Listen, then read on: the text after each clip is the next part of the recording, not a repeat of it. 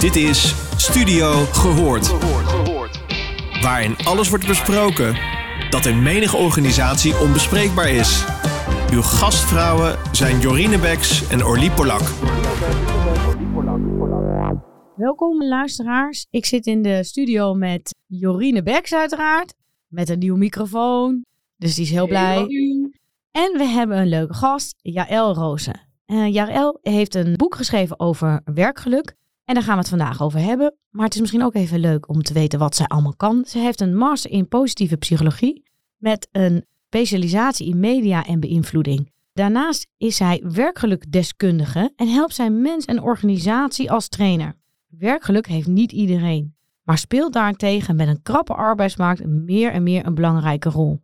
Ik denk dat het een reden te meer is om aan Jaël te vragen: werkgelukdeskundige, hoe ben je op de titel gekomen en hoe op het boek? Welkom. Ja, dankjewel. Leuk dat ik uitgenodigd ben. Dank je. Nou, de reden dat ik me zo op werkgeluk ben gaan richten en mezelf werkgelukdeskundige ben gaan noemen, is eigenlijk dat ik hiervoor als consultant werkte. En dan kwam ik dus in heel veel verschillende organisaties, in allerlei verschillende rollen. En dan zag ik heel veel en daar leerde ik heel veel van, heel veel verschillen. Maar ik zag ook op al die verschillende plekken één hele duidelijke overeenkomst. En die overeenkomst, dat was dat het standaard was dat iedereen op maandagochtend heel diep aan het zuchten was dat het weer maandag was. Dat het weekend te kort had geduurd en dat de week nog helemaal voor ze lag. En naarmate die week dan vorderde, ging er steeds meer veranderen hè hè. Het is weer bijna weekend, we zijn weer bijna even een paar dagjes vrij. En dan hing bijna de vlag uit dat ze weer van het werk af zouden zijn. En ik schrok daar best wel van, want ik dacht, zo heb ik hier dan uh, al die jaren voor gestudeerd, heb ik hier naartoe gewerkt en mag ik dit dan nog tot mijn zeventigste gaan doen? Is dit dan het beste wat we konden verzinnen? Natuurlijk heeft iedereen wel eens dat hij geen zin heeft in de maandag, of ik heb daar ook wel eens dat je gewoon geen zin hebt in de week of in de dag. Dat is helemaal prima en menselijk, denk ik. Maar ik hoorde het zoveel om me heen, op zoveel verschillende plekken, dat het mij wel aan het denken zette en dat het mij ook echt raakte en dat ik het er ook benauwd van kreeg. Dan zat ik bijvoorbeeld in de trein en dan stapte ik uit bij Utrecht Centraal. Keek ik gewoon eens rond en dan zie je dus daar die mensen staan aan allebei de uiteinden van de uitgang van zo'n trein. En dan lijkt het gewoon alsof niemand er echt is. Dan zijn ze op hun mobiel aan het kijken of in de leegte staan en ik net zo goed. Hè? En dan dacht ik, is dit nou echt het beste leven dat we konden verzinnen? Dan zijn we zo ver met al onze technologische ontwikkelingen en innovaties en weet ik wat niet allemaal. En dan is het beste leven dat we konden verzinnen een leven waarin best wel veel mensen, en dat blijkt ook uit de cijfers, helemaal niet zoveel geluk uit hun dagelijks leven, uit hun werk halen. En ik wist vanuit mijn achtergrond in de positieve psychologie dat er veel bekend is in de wetenschap over hoe je relatief simpel meer geluk uit je leven kunt halen. En toen dacht ik, als ik die inzichten nou eens naar het werkende leven kan brengen, dan zijn er toch veel mensen mee geholpen. Want wat ook blijkt is dat we ons intuïtief op de verkeerde aspecten richten als het gaat om waar we gelukkig van denken te worden. Dus als je dan niet weet wat er werkt, je richt je op de verkeerde dingen, dan is het ook heel lastig om je werkgeluk te versterken. Dus vandaar dat ik toen heb besloten om te gaan ondernemen met die focus op werkgeluk. Een mooi verhaal en ook wel herkenbaar. Ik heb ook wel op Utrecht Centraal gestaan. Oh ja. Ik heb ook wel op mijn telefoon gekeken en ook om me heen gekeken wat jij zei. Ook hoe zit een ieder hier? Het was nou niet echt dat je denkt dat we zitten in de discotrein. Verre van. Waar gaan we heen voor iets verschrikkelijks? Dat is heel herkenbaar. Wat mij ook wat triggert is het, woord werkgeluk. Wat is nou de grootste misvatting? Ik denk dat de grootste misvatting over werkgeluk is dat het voor velen toch nog wel als iets zweverigs of als iets overbodigs klinkt. Geluk ook, hè? werkgeluk ook. Klinkt vaak als iets wat heel zweverig is en daarmee worden mensen sceptisch. Maar inmiddels is dat gewoon heel hard te maken. Er is zoveel onderzoek gedaan naar geluk en naar werkgeluk, dat inmiddels echt wel gezegd kan worden dat we weten hoe je het kunt meten, hoe je het kunt versterken. Dus je kunt het gewoon heel hard maken. En daarmee is het allesbehalve zweverig in mijn ogen. En het is ook nodig, want het blijkt ook uit de wetenschap dat er steeds meer mensen, bijvoorbeeld hier in Nederland alleen al zijn, die last hebben van burn-out klachten. En wat blijkt is als je werkt aan je werkgeluk, dat dat als het ware als een buffer kan werken om een burn-out te voorkomen of om die burn-out klachten te voorkomen. Dus het is ook wel heel hard nodig om daaraan te werken. Het maakt het productiever, het maakt het creatiever en dat is ook een vaardigheid die we goed kunnen gebruiken in deze ingewikkelde tijd. Dus wat mij betreft is het al lang niet meer zweverig en hartstikke nodig om ermee aan de slag te gaan. Je zei net, wetenschap definieert werkgeluk. Kan jij ons wat van die inzichten delen? Van welke variabelen vallen daaronder? Ja, ik definieer werkgeluk als de vier P's van werkgeluk. En dat zijn vier factoren die je werkgeluk bepalen en versterken. En die vormen samen de definitie van werkgeluk.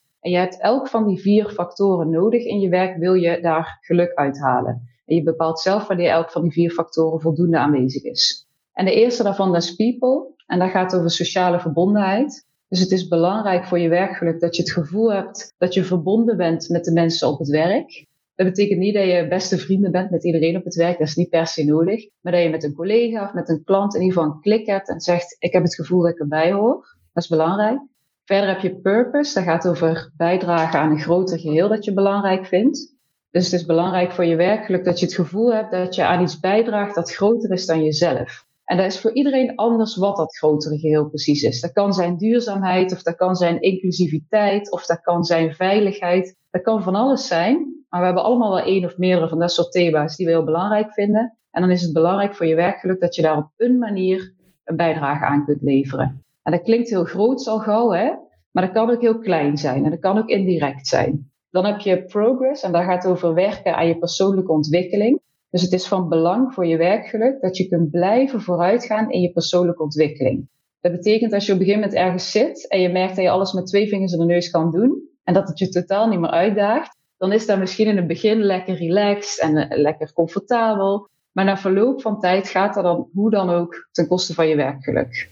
En de laatste P van werkgeluk is pleasure. En die gaat in tegenstelling tot de andere drie P's van werkgeluk meer over het korte termijn aspect van werkgeluk. Dus dat betekent dat je af en toe ook positieve emoties ervaart. Af en toe kunt lachen op het werk. Af en toe die fun momenten hebt. Want dan heb je ook zo nu en dan wel nodig, wil je werkgeluk ervaren. Het is geen synoniem van werkgeluk, maar een onderdeeltje van werkgeluk.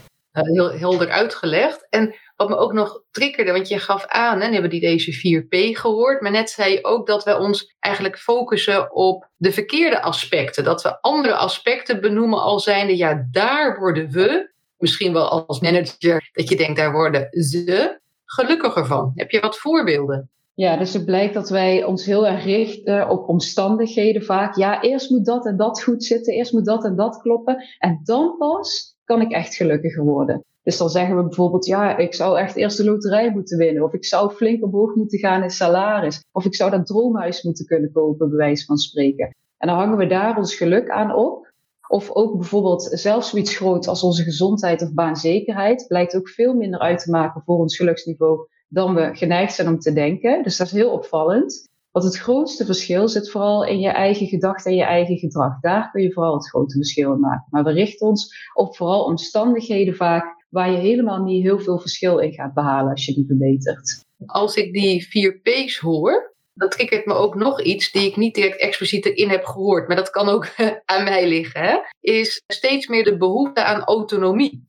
Dus we hebben, als je gaat kijken, het verbinden, wat we graag willen, we willen graag leren, maar ook die autonomie. Mm. Dus je daar ook aandacht aan als je mensen, zeg maar, organisaties daarin begeleidt? En zo ja, hoe doe je dat dan? Sowieso, hoe doe je het? Ja, ja, autonomie is inderdaad een hele belangrijke. Eigenlijk een voorwaarde om die vier P's van werkelijk goed in te kunnen zetten. Want als je mensen niet de ruimte geeft om zelf die vier P's van werkelijk in te zetten, die die keuzevrijheid, die autonomie daarin geeft, dan kunnen zij hun eigen invloed natuurlijk ook niet maximaal inzetten. Dus daarin zit wel een soort van paradox in dat je het grootste gedeelte zelf beïnvloedt, maar dat je ook wel ergens, het maakt het wel gemakkelijker als je de ruimte daar ook voor krijgt en die autonomie daar ook voor krijgt. En bij progress is bijvoorbeeld ook extra belangrijk dat je keuzevrijheid of autonomie voelt in waarin je je wil ontwikkelen. Dus als je van je baas een assertiviteitscursus krijgt opgelegd waar je helemaal niet achter staat, ja, dan werkt dat niet voor je progress aspect. Dan gaat dat niet werkelijk En als je dat uit, dat je er niet achter staat, dan zou ik zeggen, je bent geslaagd. Voor? Wat betreft, nou, als je een assertiviteitstraining krijgt aangeboden. Oh ja. Die, Aan, die heb ik niet nodig, dan zou ik zeggen, sla me over. Ja, precies, ja, dat klopt. En in jouw boek staan allerlei, uh, ik vind het echt superleuke oefeningen. En het lijkt ook wel alsof je mensen wil enablen om hun werkgeluk te vergroten. En er staan allerlei ja, inzichten en oefeningen. Het lijkt mij leuk als je wat vertelt over die oefeningen. Van hoe kan je nou aan jezelf werken? Want je zegt het een heel deel zit in je eigen gedachten en je eigen gedrag. Nou, ik werk altijd met uh, stickertjes op spiegels. Haha. Oh ja. Ik ook. Ik ook. en, uh, oh, uh, en ik werk met praten met jezelf. Ja. Ik ook. Dus ik heb ook allerlei uh, trucjes, maar ik, ik had er nog nooit een boekje over gelezen. Daar ben ik ook heel eerlijk in. En ik ben dan een beetje van uh, de polder en het boerenverstand in, in, in die zin. Maar ik vind het wel leuk omdat je wat inzichten hier deelt met de luisteraar, met ons over hoe kan ik nou werken aan mijn werkgeluk. En dan kunnen we ze misschien een paar voorbeeldjes per P doen. Ja, dat is helemaal goed, ja. Want ik heb inderdaad heel veel oefeningen in het boek staan, omdat ik het heel belangrijk vind dat mensen ook de kans krijgen om er echt mee aan de slag te gaan. Want dan pas ga je echt verschil bemerken. Dat is eigenlijk met heel veel dingen in het leven. Hè. Je kunt weten dat een appel gezond is, maar als je vervolgens die appel niet eet, dan gaat je gezondheid niet automatisch verbeteren, puur omdat je weet dat die appel gezond is. En zo is het ook met werkgeluk. Dus je kunt weten wat er werkt om je werkgeluk te versterken. En dat is hartstikke fijn, maar als je er niks mee doet, heb je er eigenlijk helemaal niks aan. Dus daarom vond ik het heel belangrijk in het boek om ook oefeningen daarin te verwerken, zodat mensen er ook echt mee aan de slag kunnen gaan, zodat ze ook echt effect ervan gaan bemerken. En er zijn heel veel oefeningen per P die je kunt doen om die P van werkgeluk te versterken en daarmee je werkgeluk te versterken. Bij People kun je bijvoorbeeld eens om je heen kijken op het werk en bedenken wie op het werk ben ik nou dankbaar en waarom ben ik diegene dankbaar en dat ook eens te vertellen aan diegene. En dat klinkt voor veel mensen ook al gauw een beetje zweverig, dankbaarheid. Maar inmiddels is daar zoveel onderzoek naar gedaan dat echt wel bekend is dat dat positieve effecten met zich meebrengt. En er is vaak iets waar mensen best wel een drempel voor over moeten. Ja, moet ik zomaar iemand gaan vertellen dat ik een dankbaar ben? Dat voelt heel zwaar en heel groot voor veel mensen. Maar we zien dat dat heel mooie positieve effecten met zich meebrengt, ook voor het geluksniveau. En dat versterkt die verbinding. Dus dat is een hele effectief om het people aspect te versterken het lijkt dat je dat dankbaar tonen, dat is zo mooi, want op het moment of het uiten, dus een compliment uiten, daar word je zelf gelukkiger, ook gelukkiger van. Ik las laatst, en ik kan er maar niet opkomen, een artikel was op LinkedIn, in ieder geval het was in het Engels, over hoe meer je zelf gelukkig wordt, of tevreden, of hoe je het maar wil noemen, als je iets geeft aan een ander. Mm Dus een win-win optie die je aandraagt. Het is leuk voor jezelf, het is leuk voor de ander en je wordt samen blijer. Dus, uh, en dus gelukkiger, moet ik natuurlijk zeggen. Reciprociteit. die komt ook uit de psychologie. Sociale psychologie. Ja, Reciprociteit. The gift that keeps on giving. Zorgt ook dat mensen weer dingen bij je terug doen. Dat is heel leuk. Maar ga verder. Ja, heel. Ja, precies. Ja. ja, dus dat klopt. Dat is win-win. Geven maakt jou gelukkig, maar de andere natuurlijk ook. Dus dat is hartstikke mooi. En wat ook nog leuk is om te vertellen, is dat ook blijkt dat het geluk dat je uitstraalt, dat dat tot drie graden ver besmettelijk is voor anderen. Hoeveel dus dat betekent, Drie? Tot drie gradaties ver besmettelijk, ja, besmettelijk is voor anderen. Ja, dus dat betekent dat als jij zorgt dat je gelukkig bent en je straalt dat uit, dat je daarmee ook een positief effect hebt op mensen die wel drie stappen van je verwijderd zijn. Dus dat is ook nog heel mooi dat het elkaar erin kan versterken. Oh, die vind ik extreem interessant. Wat bedoel je dan te zeggen, als ik gelukkig ben en ik uit dat aan jou, dat daar, en jij komt Orly tegen, dat Orly ook gelukkiger wordt? Ja, precies. Dat is besmettelijk. Dat is ook heel interessant om heel erg bewust van te zijn, denk ik. Ja, ik denk ook dat dat goed is. Dat je weet dat je als je gelukkig bent en niet eens alleen voor jezelf doet. Voor sommigen klinkt dat toch al gauw als iets ingewikkelds, als iets egoïstisch. Maar dat je het ook voor anderen doet. Mooi. En een voorbeeld voor purpose. Ja. Dat uh, ook wel erg actueel is, want heel veel mensen hebben altijd moeite met het vinden van purpose en willen graag purpose. En ik zag ook een heel mooi model Ikigai in jouw boek staan. Dat is ook wel tegenwoordig ja, wel trending. Ik ben wel benieuwd naar een oefening voor purpose. Ja, purpose gaat dus over bijdragen aan zo'n groter geheel dat je belangrijk vindt. En om daaraan bij te kunnen dragen, om dat purpose aspect te vergroten in je werk, is het natuurlijk eerst van belang dat je weet, wat is mijn purpose? Wat is voor mij dat belangrijke grotere geheel? En dat is dus heel waardevol om te starten en daarna op zoek te gaan. En soms denken we, ja, maar dat weet ik wel ongeveer. Maar echt opschrijven en erover nadenken maakt een wereld van verschil met gewoon denken, ik weet dat wel ongeveer. Dus het is heel goed om daarmee aan de slag te gaan. En de Ikigai-cirkels zijn inderdaad een methode waarmee je dat kunt achterhalen. Dus daarmee kun je duidelijk krijgen wat je nou echt het allerbelangrijkste vindt. Wat voor jou een belangrijk groter geheel is. Maar ik denk dat heel veel mensen dat model niet kennen. Kun jij dus een beetje toelichten van hoe die in elkaar zit? De Ikigai-cirkels die komen vanuit een Blue Zone. En de Blue Zones, daar zijn een paar gebiedjes verspreid over de hele wereld, over allerlei continenten. En in die paar gebieden, daar worden mensen aanzienlijk ouder dan in de rest van de wereld. Dus dat is heel interessant voor wetenschappers, want die willen weten wat doen die mensen allemaal. Dat ze zo goed oud worden, want ze worden ook nog eens veel gezonder oud. Ze blijven veel langer ziektevrij. En een van die plaatsjes ligt in Japan, in Okinawa. Een van die blue zones. En daar onderscheiden de mensen zich in dat ze allemaal leven naar hun ikigai. En Ikigai, dat kent geen exacte vertaling in het Nederlands, maar dat betekent zoiets als de reden waarvoor je ochtends je bed uitkomt, de reden waarvoor je opstaat. En ze geloven daar, in dat plaatsje in Japan, dat iedereen één of meerdere Ikigais heeft en dat het goed is om die te kennen, zodat je daarnaar kunt gaan leven. En we kunnen nogal eens iets van die mensen aannemen, want die mensen die leven veel langer, kunnen beter omgaan met stress en die zijn ook veel gelukkiger. Dus het loont om specifieke gebruiken van hen, zoals deze, om die te kopiëren. We kunnen van ze leren. En wat ik ook wel mooi vind met purpose, wat ik ook wel eens hoor, is, ja, jemig, die purpose, weet je. Ik kan dus pas de next step als ik mijn purpose weet. Maar ik vind het zo groot. Heb je nog wat tips om te zeggen dat het praktisch wordt? Hoe maken we van de drempel naar, zeg maar, gelukkig voelen, van de purpose en glijbaan? Mooie metafoor. Ja, ik hou heel erg van ingewikkelde dingen, abstracte dingen praktisch maken. Dus wat je bijvoorbeeld kan doen om je purpose te ontdekken, is al te beginnen met de vraag van waar kun je nou eens boos over maken? Al begint het met dat je s'avonds eens bij gaat houden en op gaat schrijven welke dingen heb je vandaag gefrustreerd. Maar ook welke dingen hebben je vandaag echt je hart snel laten kloppen, je vuur laten branden. Dus aan de ene kant de dingen die je frustreren, waarom frustreren die jou dan zo erg? En de dingen waar je zo enthousiast van wordt, waarom word je daar zo enthousiast van? En als je dan een paar keer die waarom-vraag stelt, dan kom je uiteindelijk steeds duidelijker bij de kern uit van wat jij dan blijkbaar dus echt heel belangrijk vindt. En dan kom je in de buurt van je purpose. Wat is jouw purpose? Mijn purpose is om uh, zoveel mogelijk mensen zoveel mogelijk gelukkiger te maken. En ik denk dat werk een hele mooie plek is om daarmee te starten.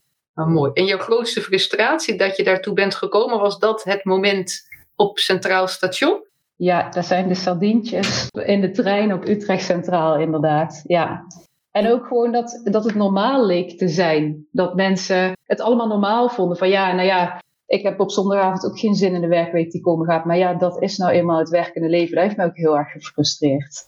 Ik moet altijd meteen aan een nummer denken van Jenton de Boer. Daar ben ik onwijs fan van. Ik ga graag naar cabaret. En die hebben een heel mooi liedje over de trein. Wurm je ertussen, wurm je ertussen. Denk alleen maar oh. aan dat warme kussen, aan dat warme kussen. En dan zie ik al die mensen in die trein. Weet je, die willen er dan tussen.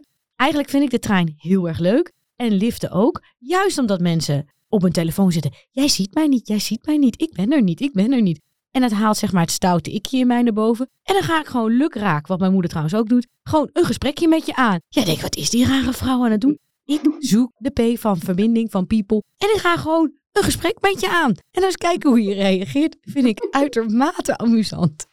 Ja. Dat geeft mij geluk. Als het over geluk Hoeveel P's hebben we nog? Want ik vind het echt zo leuk. Die, je maakt het zo fijn concreet. Dat zegt ook alles dus over je boek. Dus als mensen denken, ik wil meer, koop het boek. Ja, we hebben geen aandelen. Misschien moeten we dat gaan doen, uh, Orly. Want aandelen in het boek van JL gaan nemen. Maar dat even terzijde. Hoeveel P's hebben we nog te gaan? We hebben eigenlijk nog, nog? Uh, twee P's te gaan. We hebben nog progress, maar die vinden we heel leuk. Want dat zit ook in ons onderwerpje. En we willen natuurlijk ook iets over humor en geintjes en gebbetjes willen we ook wel. Moet natuurlijk wel weer fatsoenlijk blijven, maar binnen de bandbreedte. Lachen, lachen is gezond. Ja, dus we gaan naar progress. Nou, progress kun je ook op verschillende manieren versterken. En een hele krachtige vind ik zelf is om jezelf te trainen om meer op het proces te richten dan op het resultaat. Want het blijkt dat mensen die hun eigen waarde meer aan het proces ophangen, ongeacht het resultaat, dat die veel gelukkiger zijn, maar bijvoorbeeld ook gemotiveerder, veerkrachtiger en meer zelfvertrouwen hebben. Dus dat betekent, stel jij moet ergens een presentatie geven, je vindt dat heel spannend en je wil daar beter in worden. En je gaat dat doen, dan geef je jezelf daarna een complimentje, een schouderklopje of cadeautje of iets dergelijks, puur voordat je het hebt gedaan.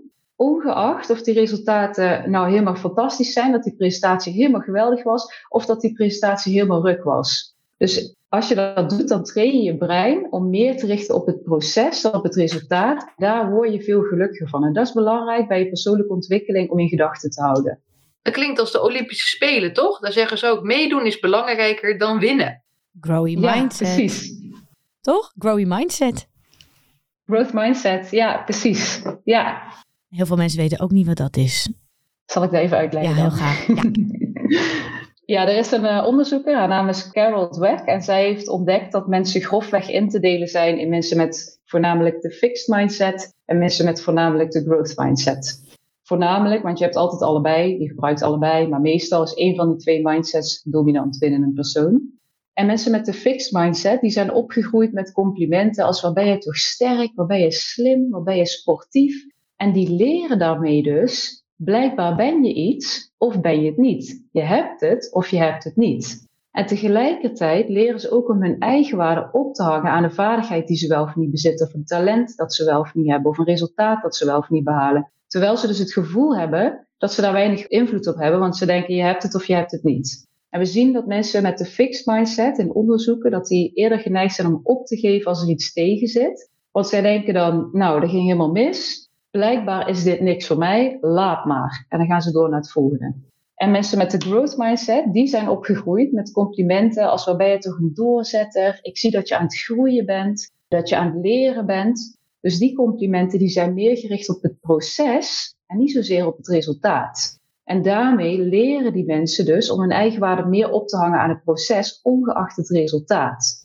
En wat er gebeurt, is dat we zien dat mensen die dat doen, dat die eerder doorzetten als het misgaat. Want ze denken dan, nou, dat ging helemaal mis, dat is balen. Maar oké, ik heb wel genoten van het proces. Ik heb er iets van geleerd. En als het niet zo werkt, probeer ik het gewoon op een andere manier. Dus die zetten eerder door als het misgaat. Die vragen eerder om hulp van anderen. En die proberen eerder meerdere strategieën uit. En dat leidt er dus bijvoorbeeld ook toe dat ze gelukkiger zijn en veerkrachtiger zijn. Dus daarom is het goed om jezelf te trainen zoveel mogelijk die growth mindset aan te pakken. En ook zelfs als je op bent gegroeid met die complimenten die bij jou een fixed mindset hebben veroorzaakt, dan nog kun je jezelf trainen om steeds meer die growth mindset toe te passen. En dat is goed voor je werkgeluk. En wat mooi, want je geeft weer aan dat je zelf invloed hebt.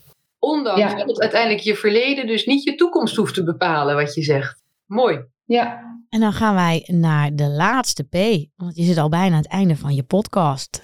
En, Daar gaat erop. Ja, dat is de P van pleasure. Ja, pleasure gaat in tegenstelling tot die andere drie P's van werkgeluk meer over het korte termijn aspect van werkgeluk. Dus dat betekent dat je af en toe kunt lachen op het werk, af en toe fun momenten hebt, positieve emoties. En dat hoef je niet altijd te hebben. Werkgeluk betekent niet dat je altijd vrolijk bent. Dat is een belangrijk misverstand dat ik graag de wereld uit wil helpen. Bijvoorbeeld als je ontwikkelt en je progress werkt, wil dat niet zeggen dat het altijd leuk is en dat je altijd vrolijk bent. Dat kan heel vervelend zijn soms. En dan nog ben je gelukkig omdat je jezelf ontwikkelt. Pleasure gaat erover dat je af en toe ook wel echt die positieve emoties hebt, want je hebt ze toch wel zo nu en dan nodig, wil je werkgeluk ervaren. Dus het is fijn om lekker in de flow te raken, om te zorgen voor een goede energiebalans. Heb je ook nodig, wil je zo nu en dan werkgeluk ervaren.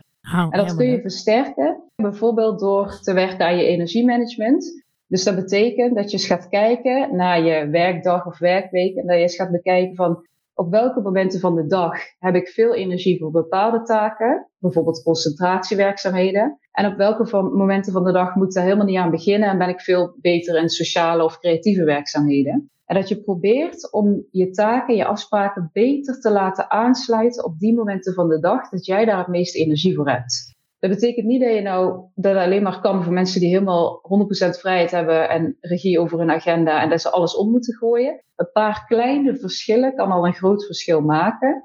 En dat betekent ook dat je gaat kijken naar wat kost mij energie op een dag, wat geeft mij energie en hoe kan ik dat goed met elkaar afwisselen, zodat je je energieniveau meer in balans hebt gedurende de dag. Ook het stukje humor, want wat ik ook wel meemaak is qua verbinding ook. Dat is samen lachen verbindt ook. Hè? Dus als je gaat kijken naar als we weer naar kantoor mogen, tenminste dat gaan we weer doen geloof ik. Maar dat kan natuurlijk ook online. Dat je ook ja, wat activiteiten doet. Misschien het klinkt het wat geforceerd, maar dat er ook wat andere interactie komt. Dat kan zijn met, weet ik wat, kaartjes of zo met een gekke vraag erop. Of een spelletje spelen. Elke keer weer de volgende ronde met elkaar. Heb je nog bepaalde tips die ook wat meer die kant uitgaan dan alleen naar waar krijg ik op welk moment energie van? Ja, het is ook bijvoorbeeld heel belangrijk om af en toe te spelen op het werk. Bij veel mensen klinkt dat een beetje raar in de oren en dat snap ik ook wel. Want dat klinkt helemaal niet serieus. Hè? Hoezo moet ik dan gaan spelen op het werk? Klinkt heel raar. Maar daarvan is bewezen dat het heel veel positieve effecten met zich meebrengt. Bijvoorbeeld gelukkiger maakt, maar ook productiever. Dus uiteindelijk de tijd die je daarin investeert, die win je gewoon terug doordat je productiever bent. En dat versterkt ook de verbinding. Dus darten. En je hebt ook van die mini basketbalnetjes. Hang ze aan de deur. Ga een beetje de score bijhouden. Doe een keer een kunstje. Zulke soort dingen. Bijvoorbeeld, maar je kunt ook denken aan een spelelement toevoegen aan je dagelijkse werkzaamheden. Ik heb bijvoorbeeld een team die werkte veel ook met mensen op straat. En die zeiden van, die hadden voor zichzelf de uitdaging bedacht dat ze een woord dat ze dan hadden bedacht, bijvoorbeeld kikkerbilletjes, ergens die dag moesten gaan gebruiken. Zonder dat het natuurlijk ten koste ging van hun werk. Maar dan hadden ze zo een soort challenge met elkaar. En dat versterkt dan wel weer die verbinding en dat plezieraspect, die werkgeluk. En dat is heel goed om te doen. Dat is een voorbeeld. Heel belangrijk om nog te vertellen bij spelen op het werk is wel dat je moet blijven afwisselen, wil je die positieve effecten behouden. Dus het is niet zo dat je een keer een basketbal net ophangt en voor altijd en eeuwig al die voordelen daarvan ervaart. Je zal moeten afwisselen, wil je die voordelen behouden. Ik ben reuze benieuwd wat we gaan tegenkomen binnenkort, Orly. Ja, wij gaan zo aan de slag, want wij gaan uh, ook weer een terugblik opnemen. En ik stel voor, wij gaan meteen doen wat Jaël ons geadviseerd heeft. Dus we gaan al die oefeningetjes een beetje doorlopen. En dan ga ik daarna toetsen bij jou, Jorine. Dan geef ik je weer opties. Of jouw werkgeluk A is toegenomen, B is verminderd, C tot een dieptepunt is gedaald. Mijn werk is gewoon een uit de hand gelopen hobby. Heel positief. Ja, heel positief. Ja, El, dankjewel. We hebben heel veel geleerd. Mooie podcast. En nou, we hebben voldoende reclame gemaakt voor je boek. En wij zijn geïnspireerd. Dus wij gaan uh, aan de slag, Jorien en ik. Ja, en ik hoop je een keer tegen te komen. Dan gaan we darten, basketballen, we gaan ikikai, weet ik wat allemaal. Echt ontzettend leuk. Ja. Fijne ja. dag nog. Hartstikke bedankt. Ik ben heel benieuwd. Hoi. Hoi. Je luisterde naar Studio Gehoord. Vond je dit een leuke podcast? Laat dan een review achter bij jouw favoriete podcastplatform. Tot de volgende!